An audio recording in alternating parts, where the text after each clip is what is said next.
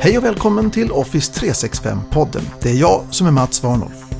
Jag har testat Project Mocha som tidigare gått under namnet Outlook Spaces och är faktiskt försiktigt entusiastisk över verktyget och hur det fungerar för mig personligen. Men helt enkelt var det inte att förstå hur man bäst skulle få nytta av verktyget. Project Mocha är ytterligare ett experiment ifrån Microsoft. Det är kanske inte dags att slå på stora trumman än, men det är lovande. Väldigt lovande. Och så är Pia Langenkrans tillbaka i det här avsnittet med ytterligare en del i vår serie SharePoint-skolan. Och i det här avsnittet så ska vi prata lite grann om just SharePoint Online. Lär dig standard, lev i standard ett tag och sen så ser du vad som skaver. Och så blir det såklart nyheter här i Office 365-podden. Välkommen!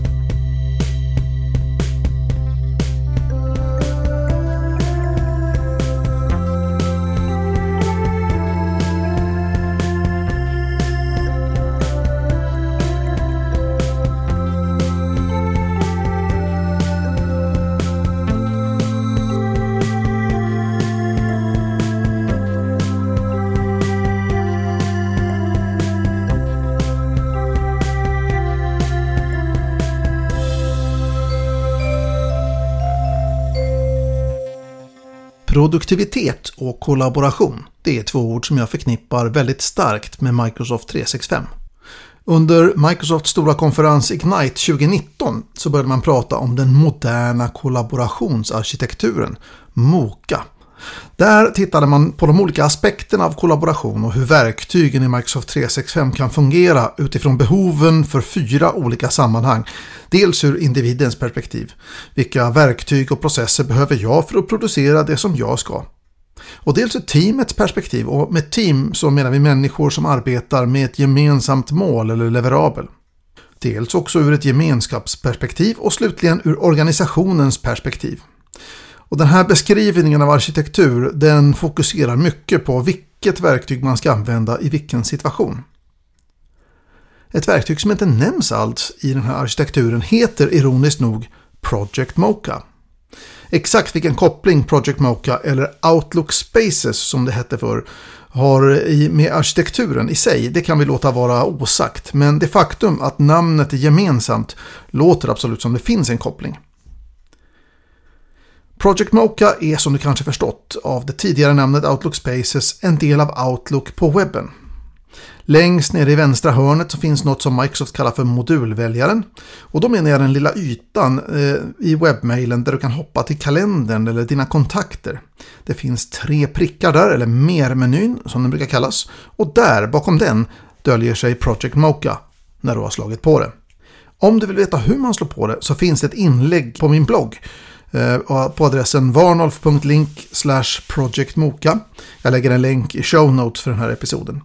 Beskrivningen där den kräver PowerShell, så ta hjälp av någon om du inte känner dig trygg med hur den här processen ska utföras. Project Mocha är lite besjälat av samma ande som OneNote. I Project Mocha har den oändlig eller gigantisk arbetsyta att lägga grejer på. Vad då för grejer, undrar kanske någon. Ja, saker som hör ihop. Jag håller på med en köksrenovering hemma just nu. Jag har ritat kök, kontrollbesiktat, gått igenom färger och material, tagit in offerter, planerat och fixat. Och allt det som hör till det här projektet har jag faktiskt hanterat med Project Mocha. Alla datum, alla mail, alla webbsidor, alla foton, alla mått, uppgifter, ritningar, kontakter. Allt ligger på en sån här arbetsyta. Jättesnyggt och prydligt.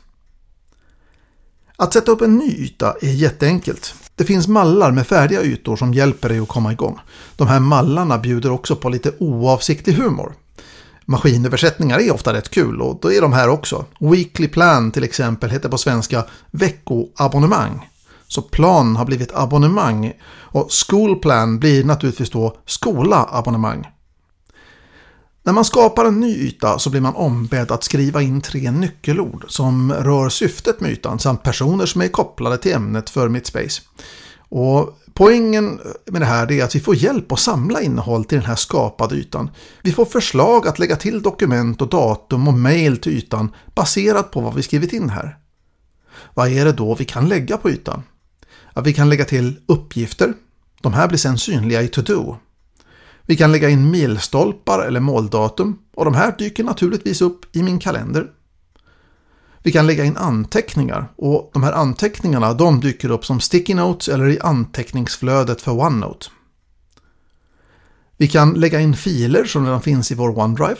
Vi kan lägga in relevanta mail, vi kan lägga in mötesbokningar, länkar till webbplatser, kontakter, platser och sen väderrapporter, vilket ju kan vara en bra grej om det du planerar är en resa.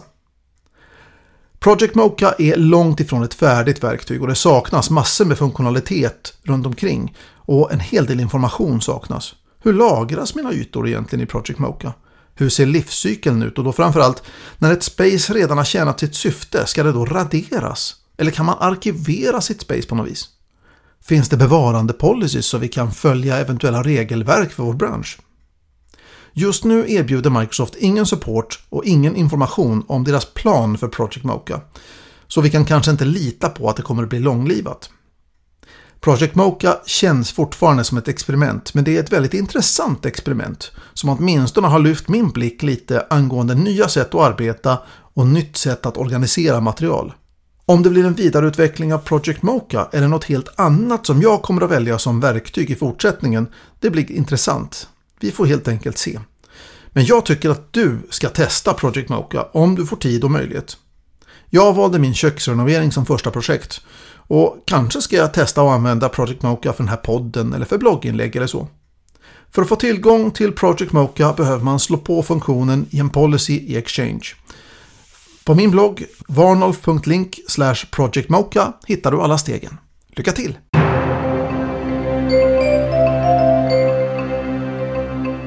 Här är nyheterna i Office 365-podden.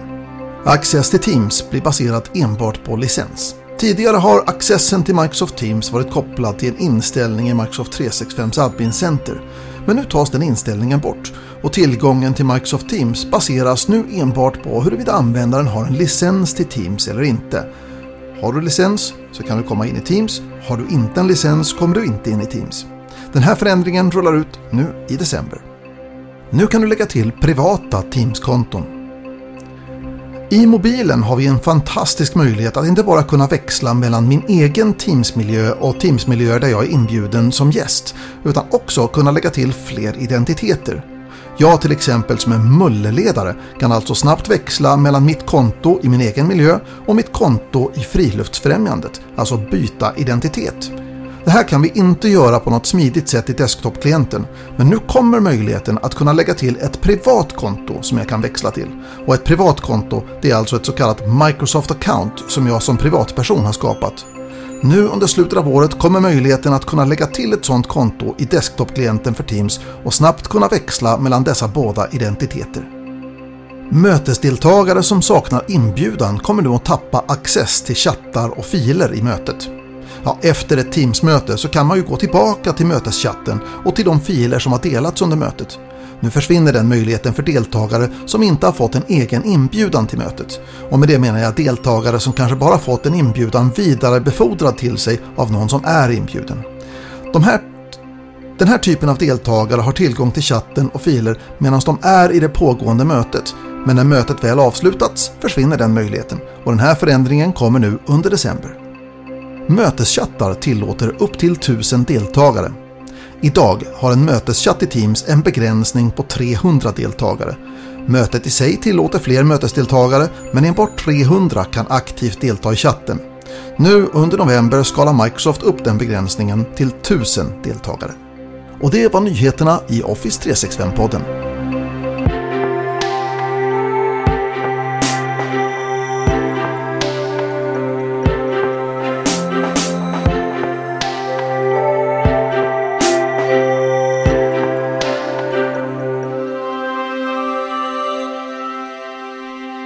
SharePoint-skolan del 2.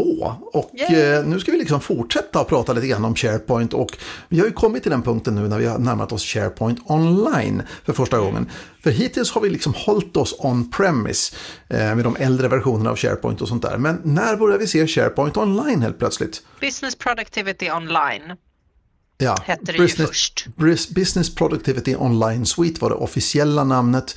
Jag vet åtskilliga konsulter som istället kallar det för Big Piece of... Ja, eh, därför att de var inte särskilt nöjda med den produkten. Det var inte så många som var. Eh, men det var ju också att SharePoint eller B-post när det kom, det var ju liksom en, en, en cloud-kopia av det lokala. Och då tog man ju då den här lokala teamsajten. Så det var ju liksom inte det mest kraftfulla SharePoint som fanns, utan det var ju det som var så här, mm, men vanilla SharePoint. Ehm, som var din teamsite som var tänkt för typ projektgrupper. Eh, och och så det, när det precis kom och jag kommer ihåg ett möte som vi hade ute på Microsoft när det var så otroligt många exchange-konsulter och hostingbolag som, som var liksom redo att, att bränna ner stället. De var inte alls nöjda med det här. De var så här, ni tar våran affär. Eh, så det var väldigt mycket drama där i början. Tjänsten i sig var ju inte så himla spännande för, för slutanvändaren eller för kunderna. Eh, men det var ju väldigt dramatiskt i branschen. Absolut, jag kommer också ihåg det här. Jag jobbade också på ett stort konsultföretag i det här tillfället. Och när jag började prata med min chef om eh, de här onlineprodukterna så svarade han, hur ska någon någonsin kunna tjäna några pengar på en sån här produkt? Idag skrattar vi. Ja. ja. Nej, men, och, och, det var ju verkligen det. Folk var ju så otroligt oroliga då, eh, särskilt då liksom bolag och, och konsultchefer och, och sådär, som var så här, nej men hur ska vi kunna tjäna pengar på det här om inte vi äger kunderna och inte vi inte har dem på våra servrar Eh, och vi inte kan sälja serverlicenser och kolla den här E1-licensen då som var så här, vad var det, 530 spänn i månaden mm. per person. Och de var så här, vad finns det för business i det här när de var vana att skicka sina fakturer liksom på flera hundratusen hela tiden. Eh, men då var ju liksom kritiken ifrån Microsoft var ju att de den känsligheten som fanns i Microsoft-produkterna var ju just de här hostingbolagen och konsultbolagen att de inte kunde tillräckligt mycket och inte uppgraderade med servicepacken när de kom utan man, servicepacken var så här, ah, vi, vi har en strategi, vi tar var tredje. Um, och, och, och, det var ju skadligt, verkligen skadligt för, för kunderna och det var många hål. Alltså, det är många sådana här äh, virus och hack och sånt där som har varit, kommer från kända fel som Microsoft har dokumenterat om hur man ska täppa till som, äh, som de här bolagen liksom inte fixade. Äh, så, så det var ju inte, det var ju inte helt oförtjänt att Plus ja. naturligtvis då att man hade byggt upp en affärsmodell som skinnade folk på pengar lite grann. Mm. Det gick att ta bra betalt för de här lösningarna men ja, jag vet ju till exempel de konsultföretag som jag jobbade på då, de hade en, en kostnad då för lagring eh, av mailboxen, alltså mailboxens storlek eh, och standardstorleken på en mailbox var typ så 500 megabyte och sådär. Eh, ja, så eh, man tog ganska bra betalt för det här och sen så behövde man ju då på en on-premises-produkt behövde man ha bra backuper och så tog man betalt en gång till för lagringen på backuperna och så vidare då. Eh, så att det var ju eh, bra business för konsultföretagen så jag förstår ju verkligen att, att paniken spred sig i gångarna då när Microsoft eh, dyker upp då med ett erbjudande och så säger man så här, ja och by the way, eh, det är inte så här jätteskitnödigt med att ta backuper utan mm. Eh, om vi bara pratar om de vanligaste scenarierna så är allting återställning användningsbart i alla fall. Liksom. Och användaren kan göra det själv eller den kan ta hjälp av någon som är lite IT-kunnig och så vidare. Då. Så att det har ju, ja, i grund och botten kan man väl säga så här då att, att vad Microsoft gjorde det var att de släppte en produkt när det både gäller Exchange och när det gäller SharePoint. Och, eh, jag vet inte riktigt eh, om jag tyckte att det var fantastiskt den här första eh, eh liksom Lync Online-historien när det dök upp då. Men, men om vi pratar om SharePoint och Exchange eh, så får jag nog säga att Eh, min känsla var att Microsoft helt enkelt gick, upp, gick ut med en produkt som var både billigare och bättre än vad konsultföretagen erbjöd. Det som var nackdelen, det var ju att Microsoft erbjöd en one size fits all historia. Det är liksom där, it's our way or the highway. Alltså antingen så köper du att vi uppgraderar när vi känner för det och att vi fixar med saker och ting i vårt schema utan att ha servicefönster och avtala med någon och så vidare. Då. Eh, eller också så får du ha din tjänst on premises och så vidare. Mm. Jag minns eh, en av de första kunderna som jag pratade med angående de här online-tjänsterna. Eh, som han, han kontaktade mig och sa så här, jag vill absolut flytta mail och SharePoint till online-varianterna. Eh, och på den tiden så var jag fortfarande lite, hur man migrerade var, var lite okänt för mig.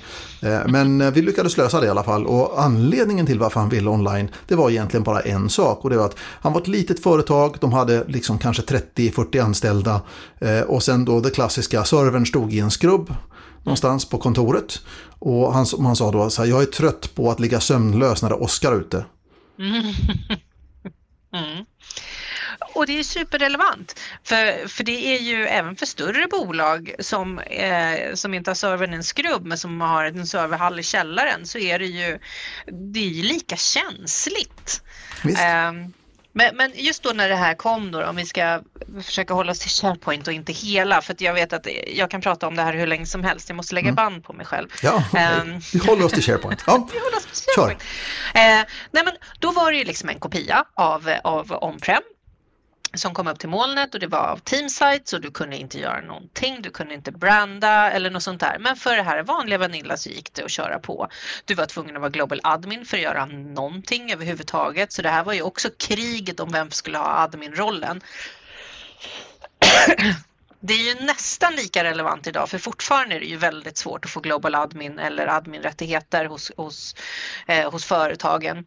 Men, eh, men, men då var det rätt kast ändå liksom med SharePoint. Det var ju liksom ingen som byggde SharePoint eh, intranät på, på den första online-versionen. Men, men sen så gick det ganska snabbt för jag tror att det hände någonting på Microsoft att istället för att det var en person som var ansvarig för att göra en cloud-variant av alla Office-grejerna så blev det allas, eh, liksom den som ansvarar för Exchange var också ansvarig för Exchange online och SharePoint, SharePoint online också så att produktansvaret blev där. Då, och, och, där någonstans också så gick SharePoint on-prem online isär. Vi, vi hade väl, eh, man sa ju som okej, okay, SharePoint 2016 ska vara den sista eh, serverversionen. Eh, eh där fick ju Microsoft backa lite på för att man har vissa kunder som inte släpper servrarna och det får man visa respekt för. Eh, men, men eh, Microsoft gjorde sitt bästa för att döda det där för att just att i mål att bli så mycket bättre. Snabbt och lustigt så kunde de lägga till funktioner, de kunde testa saker eh, och de kunde rulla på. Och eh, SharePoint on-prem saktade ju liksom långsamt efter. Nu, eh, jag, jag hamnade i en situation där jag skulle sitta i en eh, SharePoint 2013-miljö som såg ut som 2010 och det var jag kommer knappt ihåg hur man skulle hålla på med det där. Eh, och det är så, för det är så länge sedan med de webbdelarna och, och det sättet man jobbade. För att när SharePoint Online blev liksom en riktig, när communication sites kom, eh, där kände jag liksom att där var det att man gick runt ett hörn som att nu, nu har vi en bra framtid här. Eh, och sen nu har det ju bara exploderat när Teams har eh, liksom kommit. Då vill ju alla göra någonting vettigt med sin SharePoint eftersom lagringen är där. Ehm, men, men där kommer man i varje fall runt ett hörn och helt plötsligt så fick man då eh, grunden för åtminstone intranät. Då börjar ju bolag bygga intranät på SharePoint online med communication sites.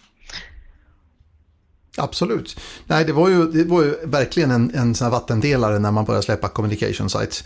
Eh, fortfarande så var det lite grann ett mysterium och det är väl fort, delvis fortfarande lite grann. Även om det nu finns liksom toppmoderna migreringsverktyg och sånt där så är ju bekymret fortfarande eh, de här människorna som har suttit eh, och byggt upp eh, avancerade egna lösningar baserat på en publishing portal eh, och mm. har eh, byggt upp liksom egna, de har egna cascading style sheets, de har egna master pages, de har allting sånt där. Och sen så sa ja, vi ska flytta ett till ett till molnet och sen så mm. tvingas man då som konsult att säga så här Eh, nej, det ska ni inte. Därför att det finns inget vettigt sätt att göra det på. Utan glöm det som var. Utan tänk framåt istället. Och, och, och, när man då kan visa upp då communication sites så som de ser ut. Som faktiskt ser ganska snygga ut out of the box. Mm. Och det är ju, vad ska man säga, den moderna SharePoint-konsultens, eller förlåt, den moderna SharePoint Online-konsultens mantra är ju out of the box. Ja. Det vill säga vi använder oss av finesser som är inbyggda och som Microsoft släpper. Och så använder vi det primärt. Och om vi absolut måste använda oss av någonting annat så, så kan man göra det med tredjeparts webbparts och sånt där. Då. Men man försöker bygga saker och ting på de här nya moderna communication sitesen och de nya moderna webbpartsen och sådär. Mm. Ja, och jag, jag, kan ju säga nu, vis av erfarenhet, jag har ju alltid varit en förespråkare av att använda standardfunktionerna. Um, och det var där någonstans också som jag liksom svängde över till att hålla på väldigt mycket med utbildning. För det var så här, det handlar inte om att det inte finns det man vill göra utan man tänker på ett sätt och då ska det se ut på ett sätt och sen så försöker man skohorna in någonting. Eh, där jag försöker få mina, mina kunder att säga istället, nej men lär dig standard, lev i standard ett tag och sen så ser du vad som skaver som du kanske behöver göra någonting åt. Alltså liksom, titta inte på den här den här produkten, den tjänsten och bara den där ska jag förändra utan först bara den här ska jag lära mig för att sen se om jag behöver förändra någonting. Jag brukar säga att man får levla liksom sitt användande av, av SharePoint.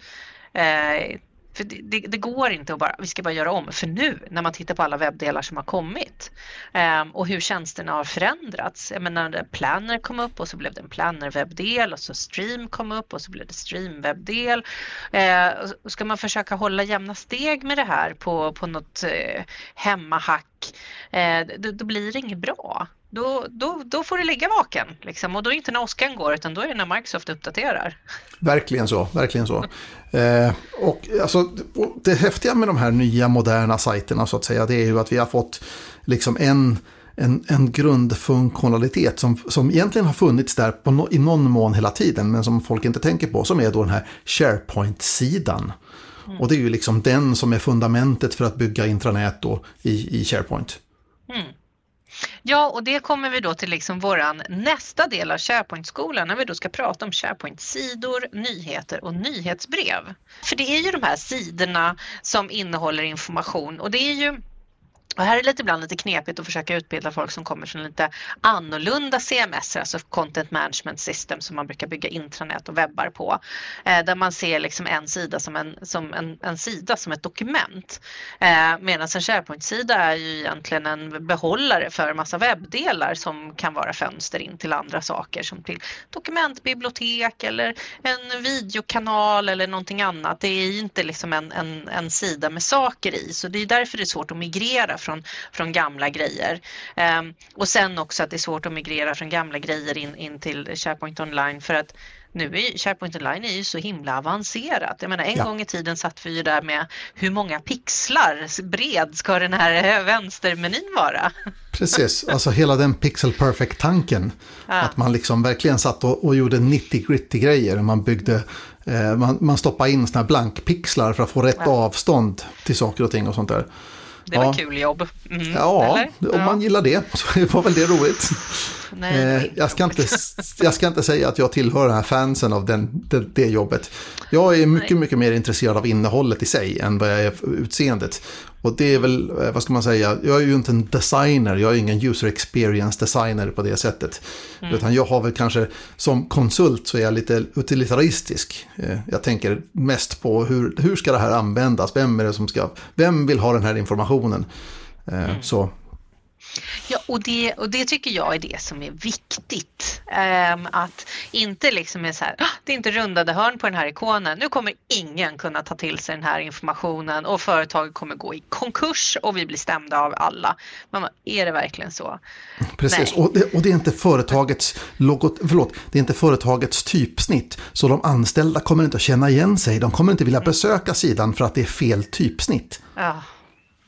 Nej, och, och, där har jag också varit, för men, många gånger så traditionellt så har ju de som har haft hand om brandingen har varit de som håller på med extern eh, kommunikation. Alltså de har webbarna och de har liksom Facebookgrupperna, de har kampanjerna för busskurerna och radioreklam och allt möjligt. Där det är så branding, branding, branding. Det är så otroligt viktigt. Och jag sa så här, fast internt så är det ju inte det, för vi vet allihop att vi jobbar här. Om vi vaknar upp en morgon och inte vet var vi jobbar någonstans så är det inte brandingen som är felet. Utan då kanske man behöver gå till HR och få någon stressreducerande aktivitetsplan. Utan det är så vi, vi vet att vi jobbar här. Ja. Um, och det Men det min, min, andra pet peeve är ju folk som designar PowerPoint-mallar och sen så ska jag säga, loggan måste vara inkluderad på varje bild, företagsloggan. Och man bara, tror att folk glömmer bort vart de jobbar någonstans eller vem det är som presenterar. Det är liksom så här, sätt loggan på första sidan och sen så var, be happy with that liksom. Ja. Eh, men det är lite, så, lite samma tänk som man kan hitta där inom, inom liksom webbdesign mm. eh, och intranät-hållet också. Att mm. så här, det, det, är oerhört tydligt att det ska, vara, det ska vara oerhört brandat och sådär. Men i verkligheten så är det naturligtvis så att det, är det viktigt? Nja. Nej, men, och inte på samma sätt däremot att man ska ha eh, att man ska ha sina värderingar som företag, att de ska synas igenom. Är vi ett företag som är väldigt strikta, liksom, ja, men då är det inte Norsenis penis, liksom, utan då, ja, men då, då, då är det strikt och det är rakt och det är prydligt. Liksom. Ja, men det handlar eh, mer om, om, om tonen i, i ja. kommunikationen. Ja men precis.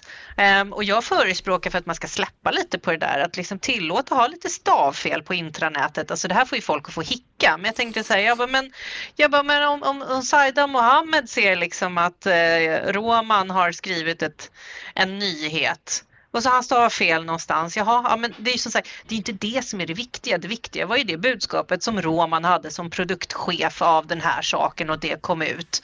Jag mm. menar, de klarar ju av att skriva mejl liksom och skriva stavfel och vi lyckas genomföra våra arbetsuppgifter ändå. Ja. Be det behöver bli lite mer demokratiserat. Eh, men det är i och för sig en helt annan punkt. Nu känner jag att jag håller på att glida iväg igen här. All right. vi, vi backar tillbaka bandet och sen kan vi egentligen gå tillbaka och så kan vi kika lite grann på just det här med, med SharePoint-sidorna och, och vad det innebär eh, ur modern SharePoint-synpunkt. Mm. Ja, men för den här tonaliteten som vi pratar om, alltså det handlar om i språket och sådär, utan använd de här standard och SharePoint-sidorna. Och där är det ju liksom en SharePoint-sida är ju då en, en sida som man sätter webbdelar på. Och de här webbdelarna, det finns ju massor. Har du räknat dem någon gång? Eh, nej, alltså det beror lite grann på. För, för min egen webb har jag naturligtvis då eh, pimpat lite. Mm. Har du gjort några egna webbdelar? Det har jag inte. Däremot så har jag gått till exempel, det finns en kille då som har gjort, eh, eh kommer du ihåg de här gamla Fantastic 40 eh, webb, eh, liksom, som man kunde lägga in i, i SharePoint on-prem, liksom, sådär med, ett, med olika typer av sajtmallar och sånt där. Nu är det någon som har gjort en Fantastic 40 webparts. Och wow. det, är liksom, det är lite karuseller och lite sånt där. Då, som det mesta av det som man aldrig... nu, nu, nu, skriver jag ner det här. Får ja, gör det. Bara leta efter Fantastic 40 Web Parts. Det finns på, på eh, eh, GitHub eh, och där finns ett paket som man kan ladda ner en färdig SPPG, eh, eh SPPKG.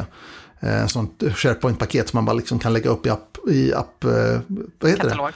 Appkatalog. Appkatalogen, precis. Man kan lägga upp den i appkatalogen och sen så bara slå på den och sen så därefter så finns, finns webbdelarna. Och sen finns ju den här, hela den här SharePoint Starter Kit-varianten som man också kan eh, ladda hem som mm. också ger ytterligare webbdelar som är fler än de som följer med out of the box. Men eh, allihopa de här är ju liksom producerade, inklusive den här Fantastic 40. Fantastic 40 webbparten är producerad av en nu minns inte jag vilken nationalitet han har, om han är spanjor eller någonting. Men hur som helst så är han anställd på Microsoft eh, som webbutvecklare. Och, eh, så han har gjort de här då med som en slags demo då på vad som är möjligt att göra då med SharePoint Framework som är det här utvecklar liksom, mm. metodiken då, eller metodiken, men utvecklar, eh, jag vet inte, hur ska man beskriva SharePoint Framework? Det, det är absolut ett ämne för en helt annan podd, men, men eh, det är i alla fall utvecklat med SharePoint Framework lite grann som en demo för vad som är möjligt med SharePoint Framework. Mm. Så... Mm. Ja, men jag tycker att det är viktigt att vi stannar här och ändå pratar om det. För nu säger vi så här, så du och jag, vi har våra egna tenants. Vi, vi, vi har alla adminroller som man kan drömma om i det här. Men om vi nu skulle säga att en vanlig dödlig människa som vill ha de här webbdelarna, vad behöver de göra? För, eller egentligen är det så här, vad behöver man göra för att installera saker i SharePoint, i Office 365? Microsoft 365, förlåt. Ja. Ja, vad behöver man? Eh, det beror lite grann på som vanligt. Vänta, nu kommer vi till det här klassiska eh, konsultsvaret. Eh, vad behöver man för att installera saker och ting i SharePoint? Ja, eh, jag brukar ju, jag vet inte, det finns ju en SharePoint-roll, det finns ju en, en admin-roll, tror jag, som gör det möjligt då för att publicera upp applikationer via appkatalogen. Själv så loggar jag ju på då med en SharePoint admin och kan därigenom då lägga upp applikationer då i, i appkatalog för respektive mm. sajt. Men det är eh. också så här att app-katalog den finns inte default. Utan Man måste skapa den. Du måste skapa den ja. Så det är väl lite så här som tågordningen är att eh, du, du har rätt rättigheter för att yep. göra det här. Eh, och sen så ska du inte installera vilken skit som helst utan det finns vissa kvalitetsnämnare. Microsoft Store är ju rätt vettig, um, att man inte försöker hacka sig utanför där. Men också på GitHub så finns det jättemycket. Där är ju liksom nästan alla SharePoint-utvecklare finns ju där på GitHub och de är ju då inom det här eh, PNP och lite annat, lite andra så här buzzwords och så. Patterns and Practices-gruppen på, på Microsoft. Precis, precis. Så där kan man ju hitta bra grejer. Och sen då när du ska installera det här så ska du ladda, ladda upp massa prylar till appkatalogen. Och sen så ska du godkänna lite grejer i SharePoint. För sen så har du ju också valen där om du kan installera det på en sajt eller att du gör det tillgängligt för alla sajter. Så då kan du då liksom sen, för då blir det som att du lägger till en webbdel Eh, och då kommer man in lite i de här gamla admin-sidorna, att du lägger till en webbdel till sajten och sen så kan du nyttja den i sidorna. Så mm -hmm. det är mhm. lite mäckigt. Eh, och det här tycker folk är lite läskigt. Ska man göra det? Ska man tycka mm. att det är lite läskigt? Eh, jag tror att man ska tycka att det är lite läskigt. Eh, det, det, tror jag är en, en bra sak därför att det gör att man är försiktig. Mm. Eh, och man får gärna vara försiktig första gången man gör saker och ting och sådär. Eh, och sen så, precis som eh, i bilkörning, folk som lär sig att köra bil, så får man ju den här, när, när man väl har kört ett tag eh, och man har sitt körkort och alltihopa, så kommer då den här fasen då som är den farligaste som man säger.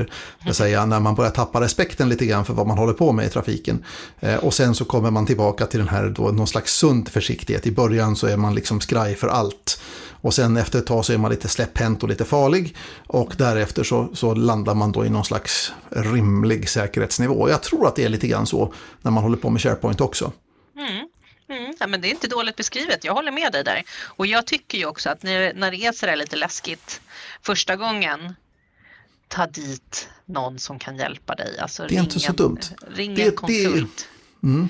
Ja, för just att, liksom, att hjälpa en och sätta upp en appkatalog liksom, och installera den första webbdelen. För sen så är det ju så här att det är så här, det här är det nya normala. Absolut. Att det ska in i appkatalogen, att det ska via någon store och lägga till add-in och sådär. Eh, och det här är ju jätteläskigt för vissa IT-avdelningar som säger vi ska inte installera några tredjepart.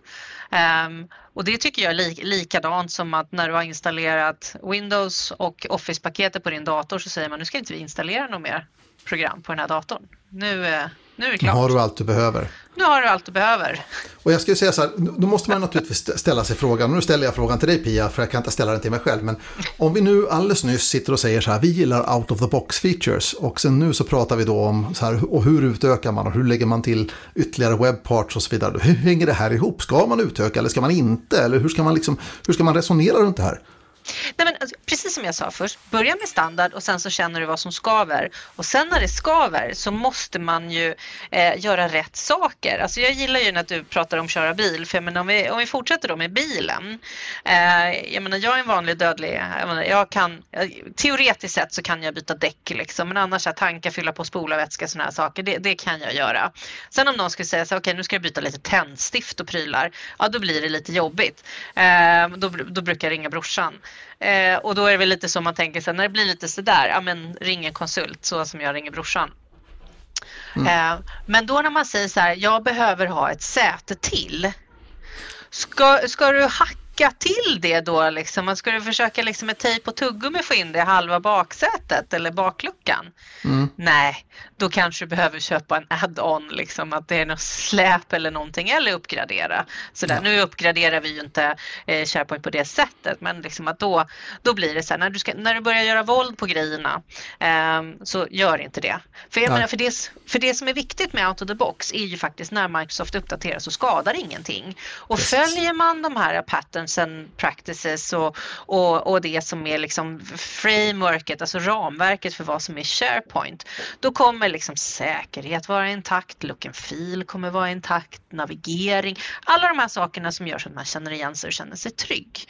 Eh, sen då när man vill ha lite annorlunda webbdelar som, som att ja, men den här funkar inte riktigt för mig, jag vill kunna göra mer saker, jag vill kunna se en bättre karta eller någonting sånt där. Ja, men då lägger vi till det. För vi ska inte gå in och skruva i SharePoint längre. SharePoint ska vara som det var utan vi lägger till saker från betrodda eh, tillverkare. Eller en kompis, jag vet inte. Nej, jag skojar bara. Alltså, sen, det finns ju massor med såna här ut, alltså, modeller för hur man kan utöka SharePoint. Eh, en, en av mina kunder de eh, var väldigt sugna på att använda sig av en produkt som heter ShortPoint. Jag vet inte om du känner till den? Nej.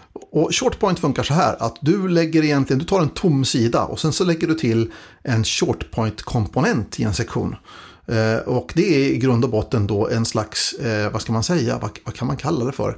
Eh, som en, en behållare för short point web parts. Mm. Så de har liksom en, du lägger dit en stor short point web part och sen så går du in och klickar i den och väljer att redigera och sen så har du en massa short point web part som du kan dra in på den här delen. Så om man ska jämföra det här med liksom traditionell SharePoint så säger det då att ungefär som att du lägger till en ShortPoint-sektion på en mm. sida. Och sen kan du populera den sektionen då med webbparts från ShortPoint. Eh, och de har en sån här eh, abonnemangsmodell, prenumerationsmodell då på, på sina grejer som man betalar per år och så vidare. Eh, så det finns ju de varianterna också och då begår man inte heller våld på SharePoint-modellen. Mm. Utan det, det, funkar att göra så. Det som är, vad ska man säga, saker och ting att komma ihåg det är ju att i gammal SharePoint, traditionell SharePoint eller vad man nu ska kalla det för, eller Barna Hedenhös SharePoint eller någonting sånt där. Classic. Så, classic, bra, classic. I klassisk SharePoint, då har vi ju rätt mycket server-side process Alltså rätt mycket saker och ting som, som sker på serversidan. Och det är ju en modell som fungerar när man har sina egna servrar. Men när vi ska dela servrar i Microsofts moln med en massa andra kunder, då är det här en modell som går sönder ganska fort. Där vi inte kan tillåta att en kund äter upp alla resurserna, alltså alla processorresurserna till exempel för andra kunder som råkar ligga på samma servrar. Så av det skälet då så har ju Microsoft switchat då. Den nya moderna i SharePoint är ju att vi gör klientsideprocessing, det vill säga att det är browsern som magin händer väldigt mycket. Så det är väldigt mycket JavaScript och saker och ting som sker i själva browsern.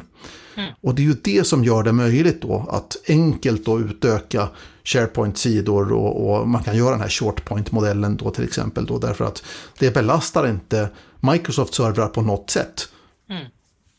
Ja, och, och det är ju så, och det här är ju någonting som liksom har gått fram och tillbaka i IT-världen med tjocka klienter och tunna klienter och att det liksom, vad, vad är hjärnkraften egentligen i, eh, i, i tjänsterna? Är det, är det på din dator eller är det på någon, en server som är i källaren eller i molnet? Eh, och, och jag, gillar, jag gillar det här för att när det inte har så stor betydelse så kan det ju få ske i klienten. Om man säger så här verktygsfältet eller någonting annat. Men sen så liksom vem som ska kom, komma åt informationen, säkerhetsramverket och det, det får gärna vara i servern för att om jag då inte är rätt person så, så finns det ingen anledning för att någonting ska tuggas i, i klientsidan. Eh, ja, nu blev det lite tekniskt här, men eh, jag tänkte om vi går tillbaka till de här SharePoint-sidorna då, alltså från en, ja. från en dödlig användare. Vi, vi spårade ur totalt där med webbdelar. Fullständigt. Förlåt allihopa. Ja. Eh, men med de här webbdelarna och sektionerna, för sektionerna är ju väldigt viktiga. Ska vi, ska vi, ska vi beskriva anatomin på en SharePoint-sida? Ja, men det tycker jag. Mm. Man tar, Så... Ja, en SharePoint-sida har egentligen eh, tre stycken eh, områden då så att säga. Den har liksom en, en, en huvudsession, ett sidhuvud. Och det är där man kan lägga till exempel sidans rubrik eller titel eller vad man nu kan kalla det för. Och sen så har vi en sidfotssektion som vi kan använda om vi vill. Vi behöver inte naturligtvis. Och sen så har vi då en innehållssektion. Och den här innehållsdelen ska vi kanske snarare då kalla det en sektion. Den här innehållsdelen, den som ligger i mitten mellan huvud och fot då, eh, den är då utökningsbar. Så vi kan dela in den i eh, vad ska man säga, delsektioner av den sidan. Ja, och, och, det som är viktigt att komma ihåg i den här ordningen på sektionerna som man lägger upp i då, innehållsdelen, det är ju som jag brukar säga eh, när du öppnar upp sidan med mobilen. För är det, har du gjort en sida med bara två kolumner och sen så lägger du så att du sitter på, så du sitter på, på din dator med stor fin skärm och så liksom går randigt ner. Ja, men det blir jättebra, där lägger jag mina saker. Eh, och sen så tar du upp till mobilen och så ser du bara den första halvan och sen när hela den är klar så ser du den andra halvan. Men det var inte så jag ville ha det. Eh, så därför är det viktigt att man använder de där sektionerna rätt och där kan du ju få lite olika format. Att du har liksom en liten del och en större del eller tre likadana stora delar. Eh, och, och, jag försöker gärna liksom blanda upp det där lite grann. Eh, jag tycker om att ha mycket vitt i mina sidor och jag tycker om att ha mycket bilder. Eh, det är många som plockar bort mina bilder för den där scrollar man bara förbi och man blir så här, ja men kanske behövde vi den scrollen. Kanske behövde vi den bilden för att sätta tonen. För är det liksom en fin bild på en bebis då kanske vi fattar att ja, men det här handlar vi säkert om hur man ska vabba eller föräldraledigheten eller någonting. Och så, kan man, så känner man sig lite mindre stressad än att det är liksom så kompakt information. För det brukar jag säga liksom att det är, det är så här, vad är det som är mest stressande om man tänker så här, juridisk information som amerikaner skriver med bara versaler som de har packat ihop så, i, så, så tätt som det bara går. Alltså det är jättestressigt för det går ju inte ens att läsa. Jag håller helt med. Jag, jag har väl lite sån här utilitaristisk syn igen då. Säger Jag, jag, jag bryr mig väldigt mycket om Eh, för vem är den här informationen? Vem ska, vem ska ta till sig den här informationen? För vem? Och ju större målgruppen är desto högre upp på sidan och ju, ju viktigare vi bedömer informationen är desto högre upp på sidan och så vidare. Då. Så så brukar jag tänka och kanske så skulle jag behöva lite BB-bilder ibland, vad vet jag. Eh, men jag kan nu vara lite så, vad ska man säga, lite mer krass och lite mer utilitaristisk. Liksom huvudbudskapet och ingenting annat, inget lullull. Men eh, eh, det blir inte så vackra sidor när man tänker så. Nej, men och sen också i det här lullull, nu blir det lite filosofiskt här, i det här lullull som jag lägger in eh, med bilder och jag använder gärna talspråk när jag skriver också. För det här är någonting som vi, vi oftast glömmer bort för när folk läser Även om det är så här, nu, nu talar jag som projektledare till hela svenska folket. Det är fortfarande en person som läser åt gången. Så att, att vara personlig där, när man säger så här, ja det här låter väl krångligt, så kan någon säga, liksom tänka då så här, ja eller nej.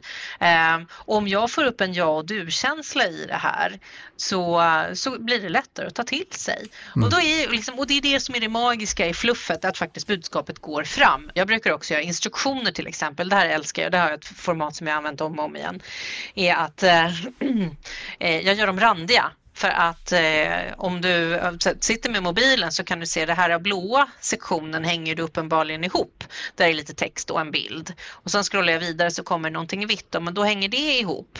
För ibland så är det ju så att du kanske sitter och tittar på mobilen för instruktioner för någonting som du ska göra på datorn. Det har ju hänt.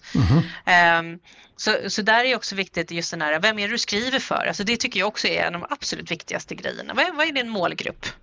Mm. Ehm, och, och, eh, hjälp läsaren att ta, ja. ta sig igenom materialet så, så, så mycket som det bara går. Liksom. Mm. Precis. Nu blev det väldigt filosofiskt om SharePoint-sidor, ja. inte alls särskilt ja, tekniskt här. Precis, nej men, men det, det, är ändå ganska viktig information därför att folk, folk har lite Lattjo eh, syn, tycker jag då naturligtvis. Det här är ju tyckande, det finns ju, eh, finns säkert massor med vetenskapligt bakom det här så att säga då, men det mesta av det som jag säger just nu är ju egentligen tyckande då. Men precis som du säger, eh, att när man håller på med, med man, det här med talspråket, att man pratar med en person. För det sitter en person och läser här och undviker sådana här, och ni alla. Mm. Man undviker sådana liksom, fraser. Det är lite grann samma sak när man håller på med en podcast och så vidare. Jag menar, jag vet inte om det sitter liksom fem pers i en grupp och lyssnar på den här podcasten. Jag skulle tippa på att det inte gör det, utan det är därför som jag gärna pratar med en du som mm. lyssnaren.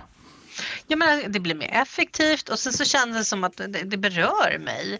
Mm. Uh, jag menar, om jag läser en text på min dator, för det är också en sån här, då brukar jag försöka liksom tänka på när skulle det vara så att det är någon som eh, sitter i en grupp och det, ska säga, tänk, tänk, det skulle ju vara om någon läser högt ifrån intranätet.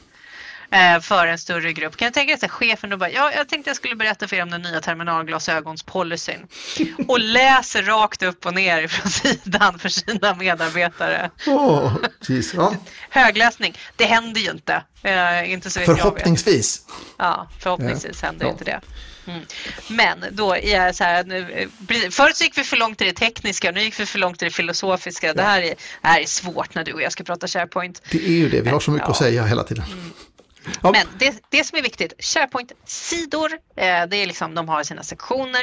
Bilden som man sätter i huvudet eller den första bilden som SharePoint hittar kommer vara den bilden som visar sig i nyhetssammandragen och liksom om du skickar länkar och sånt. Precis, miniatyren som man säger. Mm. Ja, precis. Så välj den med omsorg. Eh, det, det, tycker jag är viktigt, att man sätter tonen med den och att man försöker, är det samma typ av information som man skickar ut många gånger, eh, som till exempel en nyanställd, eh, då kanske man vill ha bilden på den nyanställda, men i själva sidan att man liksom, det ser likadant ut. Har man några andra så uppdateringar från SAP-projektet, ja, då kan ju det liksom ha ett gemensamt huvud så alla nyheter som kommer som uppdatering därifrån har en visuell identitet identitet som man vet när man scrollar igenom de här. Så, så ah, men jag känner igen det här är de här. Vad var den senaste? Vad är nästa? Så. Så det, det, tycker jag är liksom viktigt att man använder de här på rätt sätt. Eh, du får inte ha samma saker hela tiden. Eh, det finns ju vissa bo bolag som tycker om att lägga in sina loggor överallt. Att de har loggan i bilden hela tiden och de har loggan som eh, ikonen för teamet och allting så att det är bara så att du bara liksom det företaget igen bara står och skriker på en liksom. Men inte ge mig någonting annat, kanske ge mig en printer för de som håller på med print och fax. Mm. Ja. Och helt plötsligt så blir den här bebisbilden relevant, om inte annat för att den sticker ut ifrån företagsloggan överallt. Mm. Mm. Precis. Precis. Men sen då av SharePoint-sidor så kan man göra nyheter. I sin struktur och uppbyggnad så ser ju SharePoint-sidor och SharePoint-nyheter exakt likadana ut. Utan det är funktion. Precis, vet du vad det är för skillnad rent tekniskt? Eh, det, det här har du berättat en gång tidigare. Det är två egenskaper som mm. finns. Det, jag, har skrivit om det här på, på min blogg, nu ja. marknadsför jag den också, men jag har skrivit om det här. Det är två egenskaper på sidan. Den ena egenskapen heter Promoted State. Värdet är 0 för en vanlig sida och 2.0000000 för en nyhet. Och den andra egenskapen är First Published Date som ska ha en giltig tidsstämpel på en nyhetssida medan en vanlig sida saknar värde här. Mm. Så att det är egentligen det, är det enda som är skillnaden. I övrigt så är det exakt samma sak. Mm. Så det är ju det här, alla de här webbdelarna kan du använda. Du kan använda bilderna, sidhuvud, sidfoten. Allting är exakt likadant för nyheter och sidor. Men just att hur de här används. Jag brukar ju försöka få eh, företag att förstå att de ska använda SharePoint-nyheterna på det här sättet. Mm. För sen när man då går in på startsidan för SharePoint så jag säger så här, här har ju du din viktiga FYI inbox Alltså man tänker då på den att du har eh, och då liksom att jag vill ändra lite på det här beteendet. Nu åker vi ju inte till jobbet alls längre, någon av oss, vi sitter allihopa hemma. Men när, när det kommer bli så att man åker till jobbet igen och man åker kommunalt kanske. Eh, att du sitter i mobilen och istället för att läsa mail så läser du SharePoint-nyheterna. För då är det så här, det här är de här viktiga sakerna som du behöver känna till på bygget. I mejlen så är det sånt som har externa människor eller någonting som bara är för dig, ett nyhetsbrev eller någonting annat. Eh, Medan det som är viktigt, liksom någon står med en megafon och försöker nå liksom 20-30 pers samtidigt och du är en del av, del av den målgruppen för du är antingen med den teamsajten eller du väljer att följa den SharePoint-sajten så får du den informationen. Det, det är liksom blir så, mwah, musik. Eh, och så brukar jag då säga liksom tumregeln är när ska det vara en nyhet också liksom, för här har ju Teams börjat liksom kannibalisera lite grann på att skicka ut information. Mm -hmm. så när, när ska vi inte skicka ut ett snyggt announcement i Teams och använda en SharePoint-nyhet istället och då brukar jag ha den här tumregeln om den här informationen är mer intressant eh, än tre månader. Eh, då, då borde den ligga i SharePoint istället. För Teams, där ska vi snacka hela tiden. Det kommer liksom fylla på. Man vill inte sitta liksom och scrolla fyra månader tillbaka. Eh, Medan om vi då tänker liksom på att okej okay, om alla de där nyheterna, stora nyheterna har kommit till SharePoint, för där är det inga problem. Där, kan du liksom, där skulle man nästan vilja kunna gå tillbaka två, tre år eh, och se så här, men hur, hur körde vi vid förra årsbokslutet? Ja, men då var det här som var relevant. Hur gjorde vi förra gången det var jul? Liksom? Ja, men då var det här som var relevant. Eh, så skiljer man på det, så vet man var man ska leta någonstans. Jag brukar ha en sån här både och approach. Eh, där jag helt enkelt eh, lägger upp SharePoint-sidan, eh, nyheten så att säga, som en pinna, alltså en flik i ett relevant team till exempel. Då kan jag också referera till den här delen då i ett announcement i mitt team om jag vill. Så allting hänger ju lite grann på då. Men eh, oftast då om jag är då till exempel teamägare för ett team och sen så ser jag då att någon har postat en nyhet som är relevant för den här personalgruppen eller det här teamet eller vad det nu handlar om så att säga. Så kan jag ta den nyhetssidan och så kan jag lägga upp den som en flik eh, i mm. Teams. Eh, kanske på allmänt eh, kanalen eller något sånt där. Och sen så referera till den, alltså göra ett announcement och säga att, att eh, nu har det publicerats en nyhet i SharePoint, du hittar den här. Liksom, och sen så kan man gå då till den här fliken och, och se nyheten. Mm. Så det tycker jag alltså- oftast är ett ganska smart sätt att göra det på, en både och approach mm. om, om det är relevant. Ja, men alltså, det där är ju, har jag absolut inga problem med. Det där tycker jag faktiskt är en ganska bra strategi. För bara så länge så informationen finns på ett ställe. Det finns ju inget värre än liksom när någon sa copy-paste. Jag tar det här informationen i powerpointen och lägger i ett e-mail som jag sen går ut och lägger på en SharePoint-sida. Man bara, åh. Sluta. Ja, men det är ju vansinnigt därför att ja. så, det, det, det var det framförallt ställer till problem för det är ju versioner av samma nyhet. Ja. Därför att eh, vi helt plötsligt då kan, om, om säger att det finns ett fel, ett sakfel eller någonting sånt i artikeln, eh, så nyhetssidan i SharePoint och sen så ska man då gå in dessutom då och rätta det här i mejlet och i teamet och alltihopa det här. Så det blir ohållbart utan det ja. smarta i det här läget är ju liksom att man har en version av artikeln och sen så sprider man den. Ja, Precis. Ja. För, för, för, så ska man göra. Nu, eh, jag har inte tänkt på det här, liksom, lägga upp det som en flik. Eh, för det kan man ju också göra. Jag brukar liksom länka det liksom i ett Teams-inlägg och liksom säga nu har vi släppt den här artikeln. Eh, för där brukar jag säga just att stänga feedback-loopen är ju att du har skickat ut information och så vill du att folk ska läsa den och så vill du att du ska, de kanske ska få, kunna säga någonting.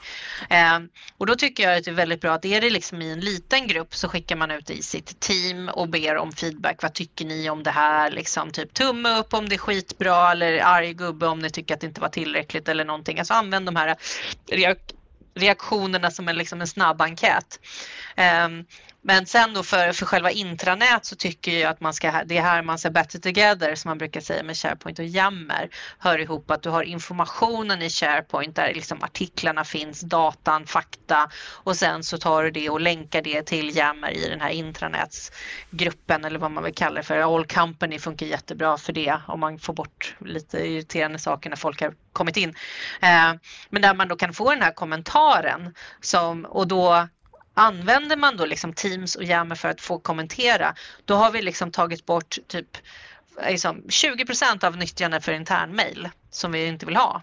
För det är mycket Precis. det, så här, läste du vad som stod där? Ja, jag läste, det där håller inte jag med om. Upp, upp, upp. Så, Nej, men då får vi informationen i SharePoint och konversationen någon annanstans. Mm, precis. Och då har du konversationen i Teams när vi är ett mindre grupp, vi som tillsammans jobbar för ett resultat och sen så på Jammer när man är liksom typ st stora tankar, frågor och svar, man bara kastar ut saker, det är inte riktigt arbete. Så. Så om vi ska mm. knyta ihop säcken här nu då. Så Fast det är en sak då... vi har glömt innan vad? vi kan knyta ihop säcken. Ja, okej. Okay. Shoot. Nyhetsbrev. Ja, ah, coolt. Ja, ehm, och, och, det, och det tycker jag är någonting som är så himla fantastiskt. Från alla nyheter eh, som du har i en SharePoint-sajt så kan du gå och skapa ett nyhetsbrev ifrån dem. Och det är så himla fiffigt för du kan ju välja ordning och sånt där på dem också. Eh, och då brukar jag ta upp exemplet när det är dags för jul igen.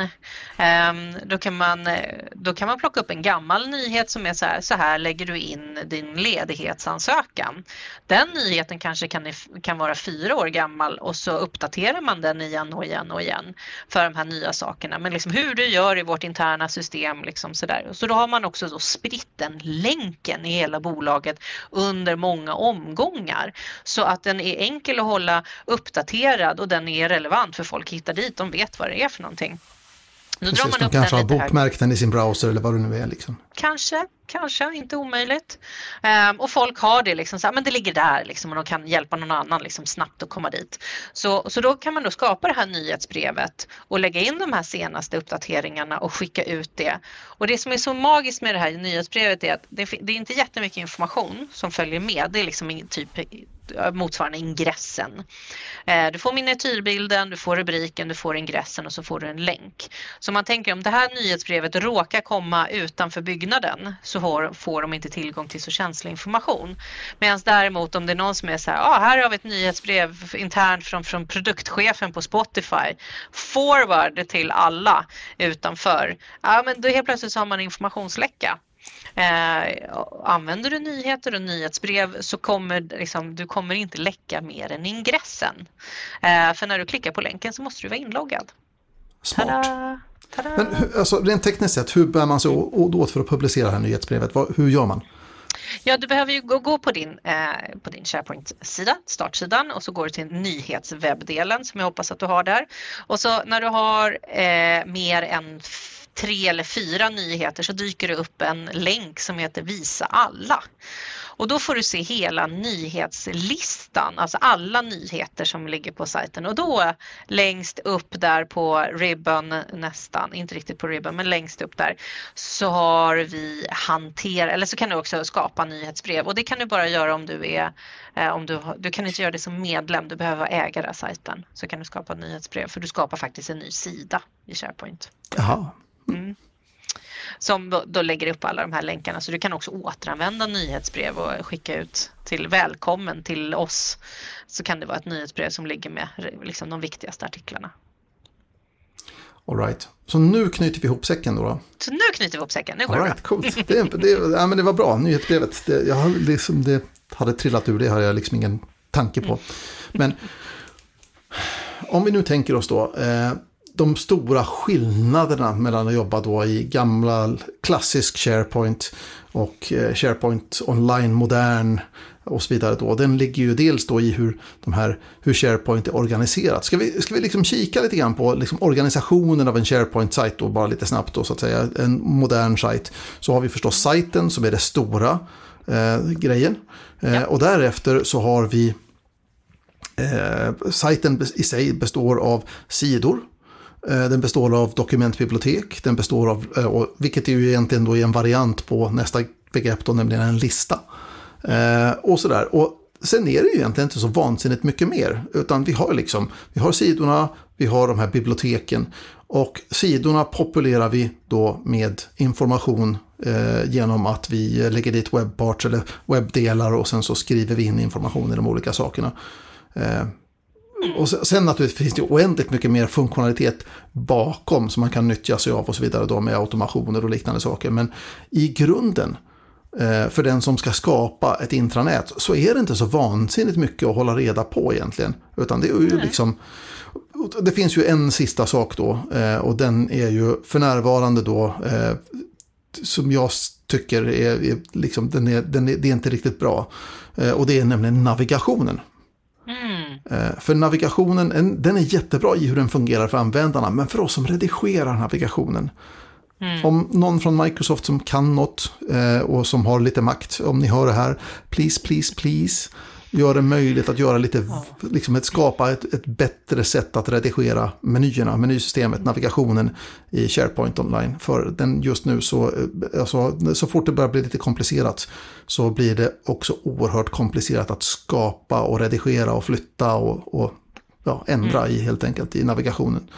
Eh, men eh, de ja. goda nyheterna är att Microsoft har meddelat att jo, vi vet, det är top of mind, vi, vi jobbar på det. Mm. Mm, men jag är inte bitter. Eh, jag, jag, håller med dig när det kommer till navigeringen för den är inte kul. Eh, förut så hade vi liksom lite andra verktyg där vi kunde jobba med, vi kunde bygga upp träd och lite sådana där saker. Nu kan vi i och för sig målgruppsanpassa navigeringen, det är en stor nyhet eh, och, och, det är ganska häftigt. Eh, men, men det är Alltså det är, så, det är så enkelt att jobba med navigeringen men det blir ju också så att när det är så enkelt och när det blir, när du har lite mer avancerade arbetsuppgifter så tar det så jäkla lång tid att hålla på med den här drag and drop och det här. Alltså jag, jag blir faktiskt lite irriterad på navigeringen.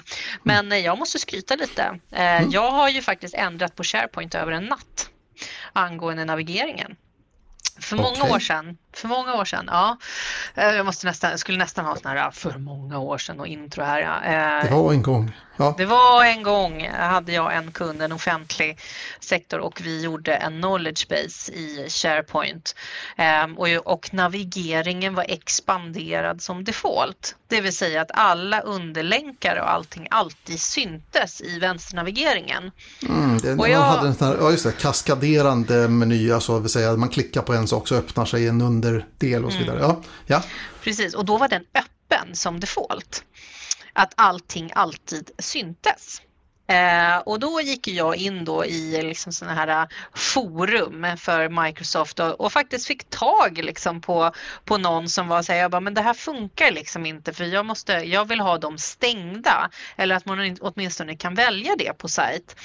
För det var så här, men du kanske inte ska ha så många länkar. och Jag, vill säga, jag håller på med en offentlig sektor. Liksom. Det, det, är inte möjligt. Det, det är jättemycket information som kommer tryckas in här. Och så var det så då en kille som bara, vet du vad, du har rätt dagen efter i hela SharePoint i hela världen så var den ihoptryckt by default istället. Det var jag. Det var jag. Okay. Jag, jag skrev i det där forumet, jag bara, oh herregud, jag måste ringa min mamma. eh, har aldrig haft en sån här impact på SharePoint i hela mitt liv. Eh, kommer inte ha det igen heller. så nu sitter någon naturligtvis och säger, så det var hennes fel. Japp, Nej. jag står för det. Inga problem, jag tar den ja, äh, men toppen ju. Eh, äh, men som sagt, att, så om vi kikar tillbaka då som sagt. Vi har vår sajt, eh, vi har våra sidor. Eh, vi har våra webbdelar på sidorna och vi har de här komponenterna för att organisera dokument, säga dokumentbibliotek, som är en oerhört viktig del så att säga. Den i sin tur, dokumenthanteringen i SharePoint, är ju ett helt eget avsnitt i SharePoint-skolan naturligtvis. Så inga, inga spoilers här inte. Men, eh, men eh, dokumenthanteringen och så vidare då, den finns ju där på i liksom dokumentbiblioteken. Och sen så har vi fått de här nya moderna listorna och alltihopa det här som också är oerhört tjusigt och, och sådär som man kan jobba med. Men Därutöver så är det faktiskt inte rent organisationellt, alltså hur, hur hierarkiskt hur det är uppbyggt, så är, så är det inte mycket mer än så. Eh, I min mening. Eh, nu, nu, är det naturligtvis så att någon kommer ju garanterat som lyssnar på det här kommer ju höra av sig och säger så här, du har ju ingen koll alls. Har du tänkt på X, har du tänkt på Y, har du tänkt på, och då säger jag så här, nej det har jag inte tänkt på. Eh, så jag håller det så här enkelt helt enkelt då. Eh, för att förenkla till det så kan vi säga att vi har de här komponenterna. Mm.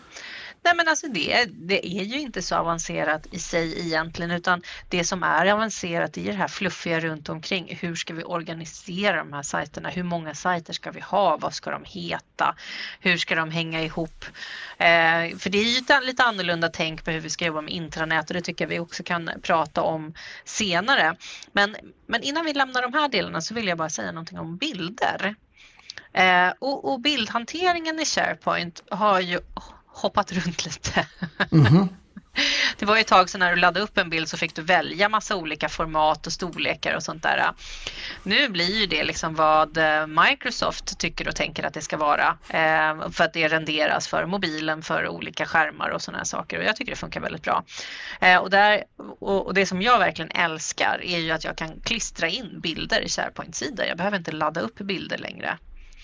Så jag kan faktiskt ta massa skärmdumpar och, och klistra in och det tycker mm. jag är magiskt. Och då lägger trevligt. sig, ja, det är riktigt trevligt. Eh, och då lägger de sig i det här dokumentbiblioteket Site Pages och för varje sida som du har så skapas det en mapp och sen så läggs alla bilder och även om du laddar upp dokument till en sida så hamnar det där. Så det, det är inte så mer komplicerat än så. Det är det inte. Nej.